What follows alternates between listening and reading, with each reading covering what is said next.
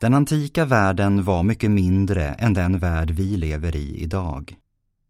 De allra flesta kände inte till mycket mer än det som låg i deras direkta närhet. Man hade kanske koll på grannbyn, den närmsta hamnen eller områdets största stad. Världen bortom det direkta medvetandet var stor, farlig och sensationell. Här fanns märkliga folk, hemska monster och fruktansvärda naturfenomen. Men det fanns de som färdades dit ingen tidigare hade färdats. De återvände med berättelser som tenderade att bara sporra fantasierna ytterligare. De kunde vara handelsmän, geografer och upptäcktsresande. Och den främsta upptäcktsresanden av dem alla var Hanno, sjöfararen. Så torka läpparna och fukta skinkan för nu kör vi.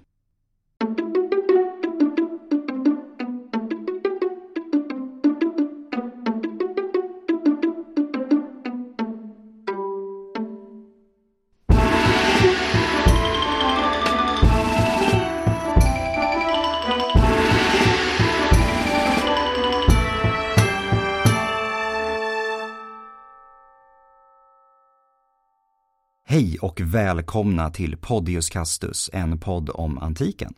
Jag heter Adam och detta minisnitt kommer att handla om Hanno sjöfararen.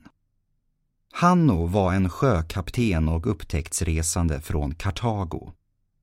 Kartago var en stad i det som idag heter Tunisien och dess ruiner ligger i närheten av huvudstaden Tunis.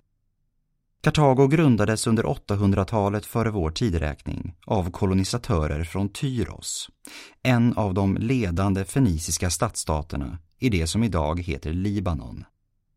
Namnet är en latinisering av det feniciska Kart Hadasht, den nya staden.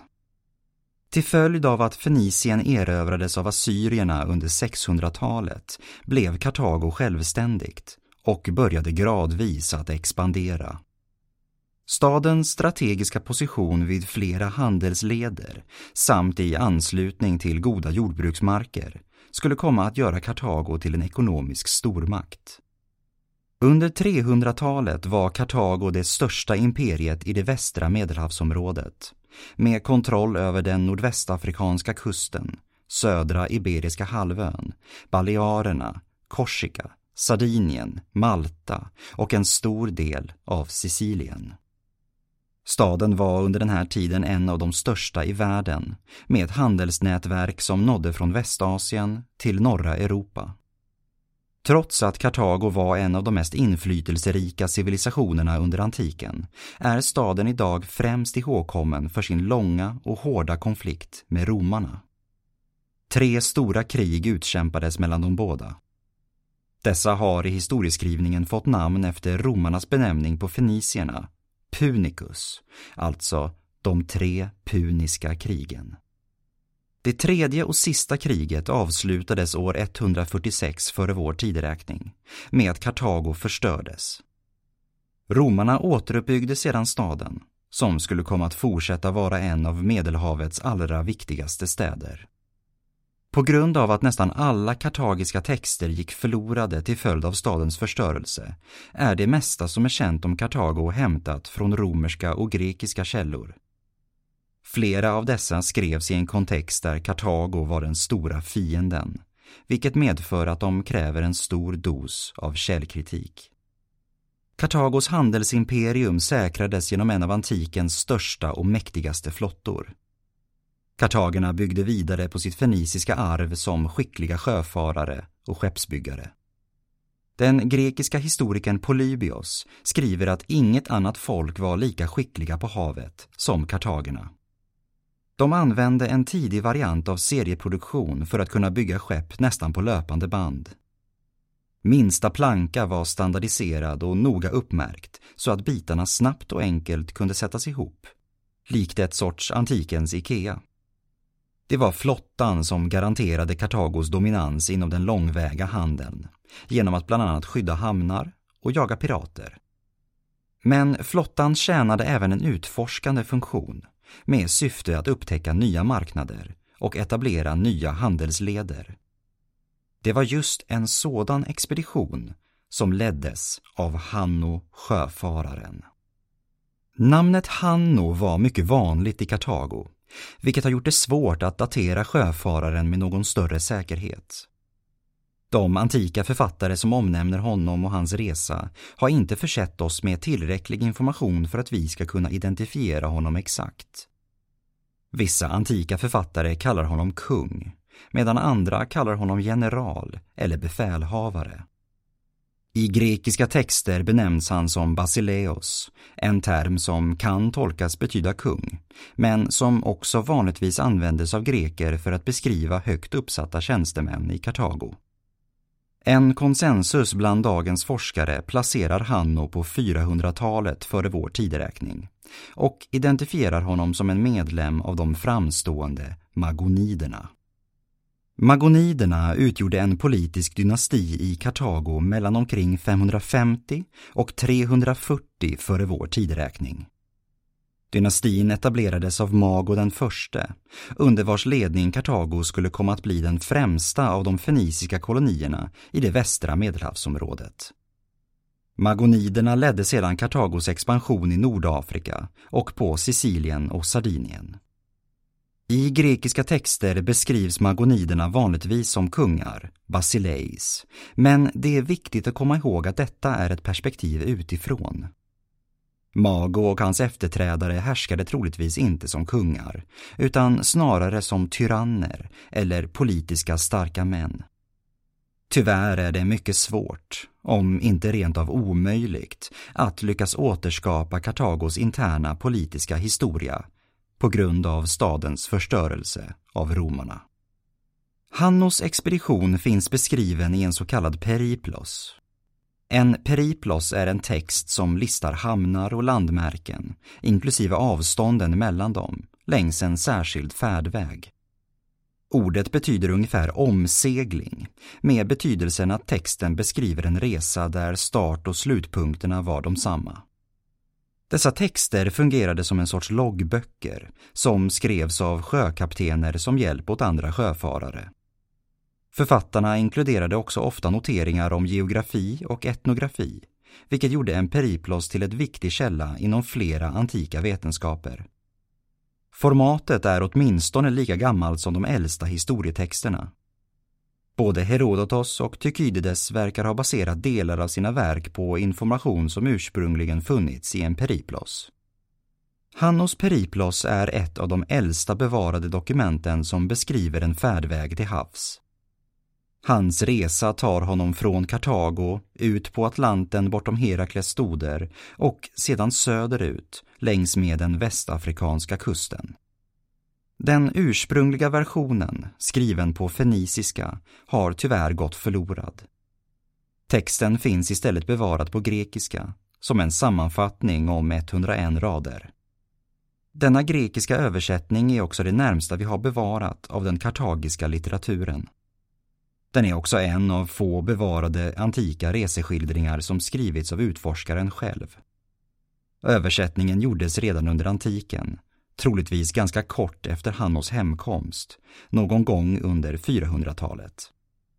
Den kopierades sedan flera gånger genom århundradena på både grekiska och latin. Texten var bland annat känd för Plinius den äldre och Arianos, som båda omnämner Hannos resa i sina verk. Två kopior av Hannos Periplos finns bevarade till idag, båda på grekiska och daterade till 800-talet respektive 1300-talet.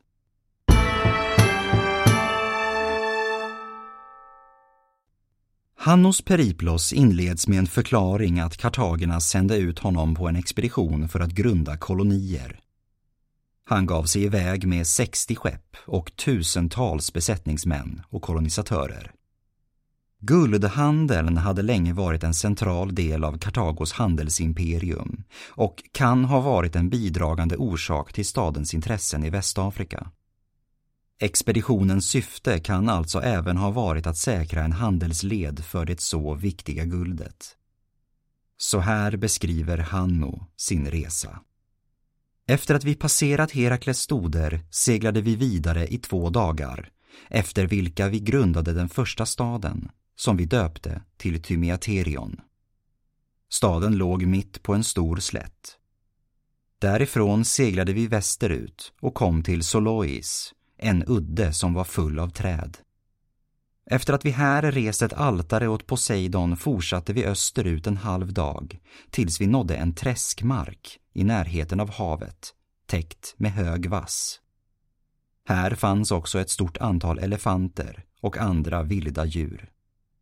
Vi fortsatte förbi träskmarkerna ytterligare en dag och etablerade städer vid havet som vi döpte till Karikosmurus, Gytta, Akra, Melitta och Arambys. Efter detta nådde vi den stora floden Lixus. Vid denna bodde ett nomadfolk, lixiterna, som livnärde sig som herdar. Vi stannade hos dem ett tag och blev vänner.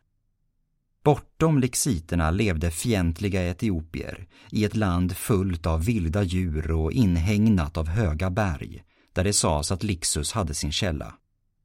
Det sades också att det i bergen fanns människor som levde i grottor och som sprang snabbare än hästar.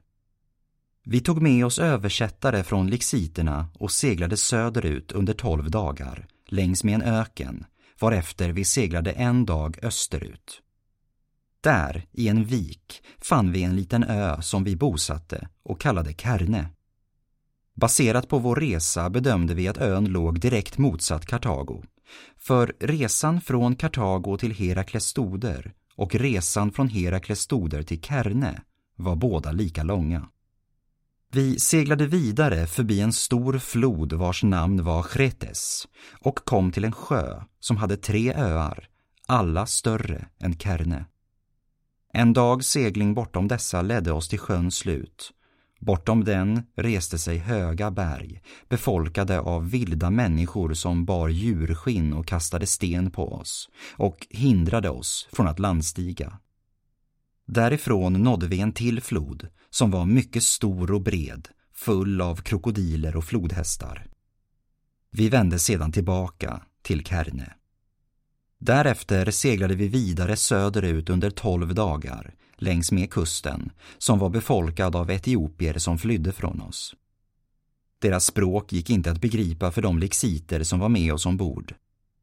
På den tolfte dagen nådde vi höga trädbeväxta berg. Träden var av flera sorter och mycket väldoftande. Vi seglade förbi dessa berg under två dagar och nådde en stor öppning i havet på båda sidor om vilken det löpte land inåt och här såg vi eldar om natten. Efter att ha fyllt på vårt vatten seglade vi längs med kusten i fem dagar tills vi nådde en stor bukt som våra översättare kallade Västerns horn. I bukten fanns en stor ö och på ön fanns en sjö i vilken det fanns ytterligare en ö. Under dagen såg vi ingenting utom skog, men om natten brann många eldar och vi hörde ljudet av pipor och cymbaler, av trummor och många upprörda röster. Vi blev rädda och våra siare befallde oss att lämna ön. Vi seglade snabbt vidare och passerade ett brinnande land från vilket stora strömmar av eld rann ner till havet. Vi kunde inte gå i land på grund av hettan. Efter en färd på fyra dagar såg vi om natten fortfarande det eldtäckta landet. I mitten fanns en hög eld, större än de övriga, som nästan verkade nudda stjärnorna. Om dagen såg vi att det var ett mycket högt berg som kallades gudarnas vagn. Vi seglade längs med dessa eldiga strömmar under tre dagar varefter vi kom till en bukt som kallades Söderns horn. I denna bukt fanns en ö som likt den tidigare hade en sjö i vilken det fanns ytterligare en ö. Denna ö var full av vildsinta människor med håriga kroppar. Våra översättare kallade dem gorillai. När vi jagade dem flydde de upp i träden och försvarade sig med stenar. Vi lyckades inte fånga några av männen, men vi lyckades fånga tre av kvinnorna. De bet och rev oss och vägrade följa med, så vi dödade dem och flodde dem och tog med oss deras skinn tillbaka till Kartago. För vi reste inte längre än så här. Våra förnödenheter svek oss.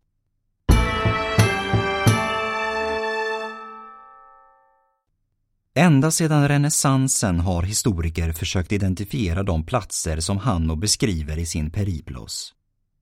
De flesta försök till detta har dock misslyckats.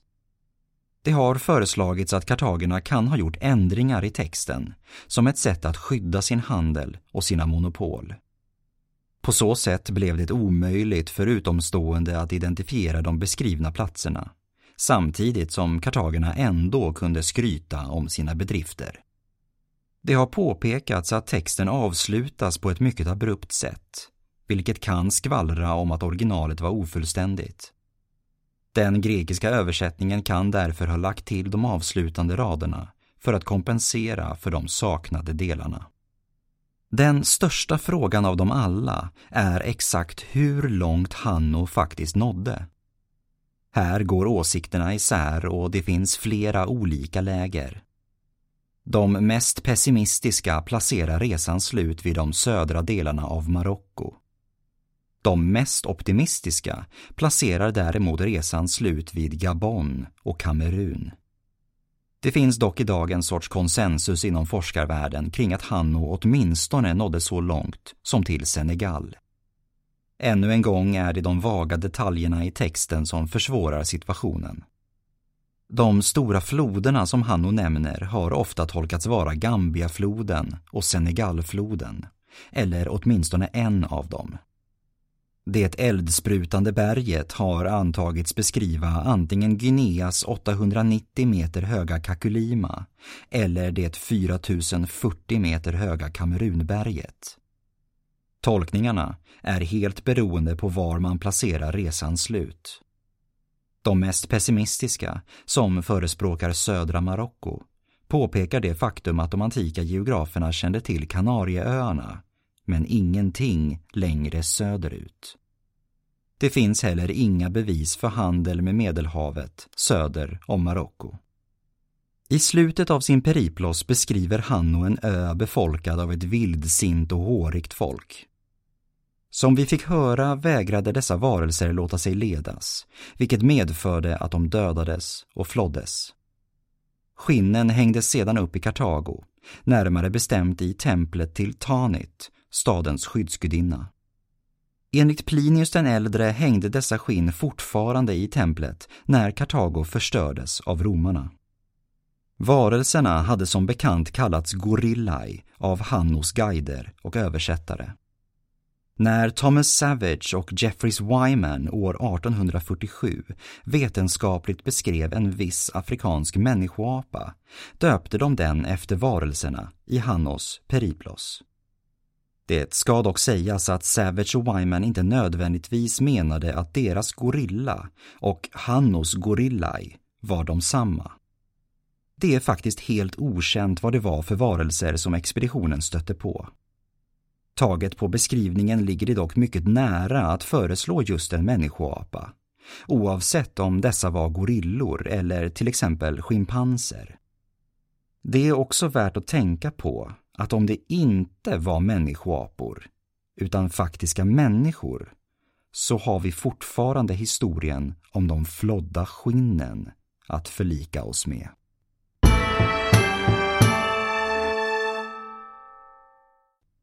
Jag heter Adam och ni har lyssnat på Podius Castus, en podd om antiken. Följ oss gärna på Facebook och Instagram och vill ni komma i kontakt med oss kan ni även göra det på podiuscastus.gmail.com. Tack för mig och på återhörande.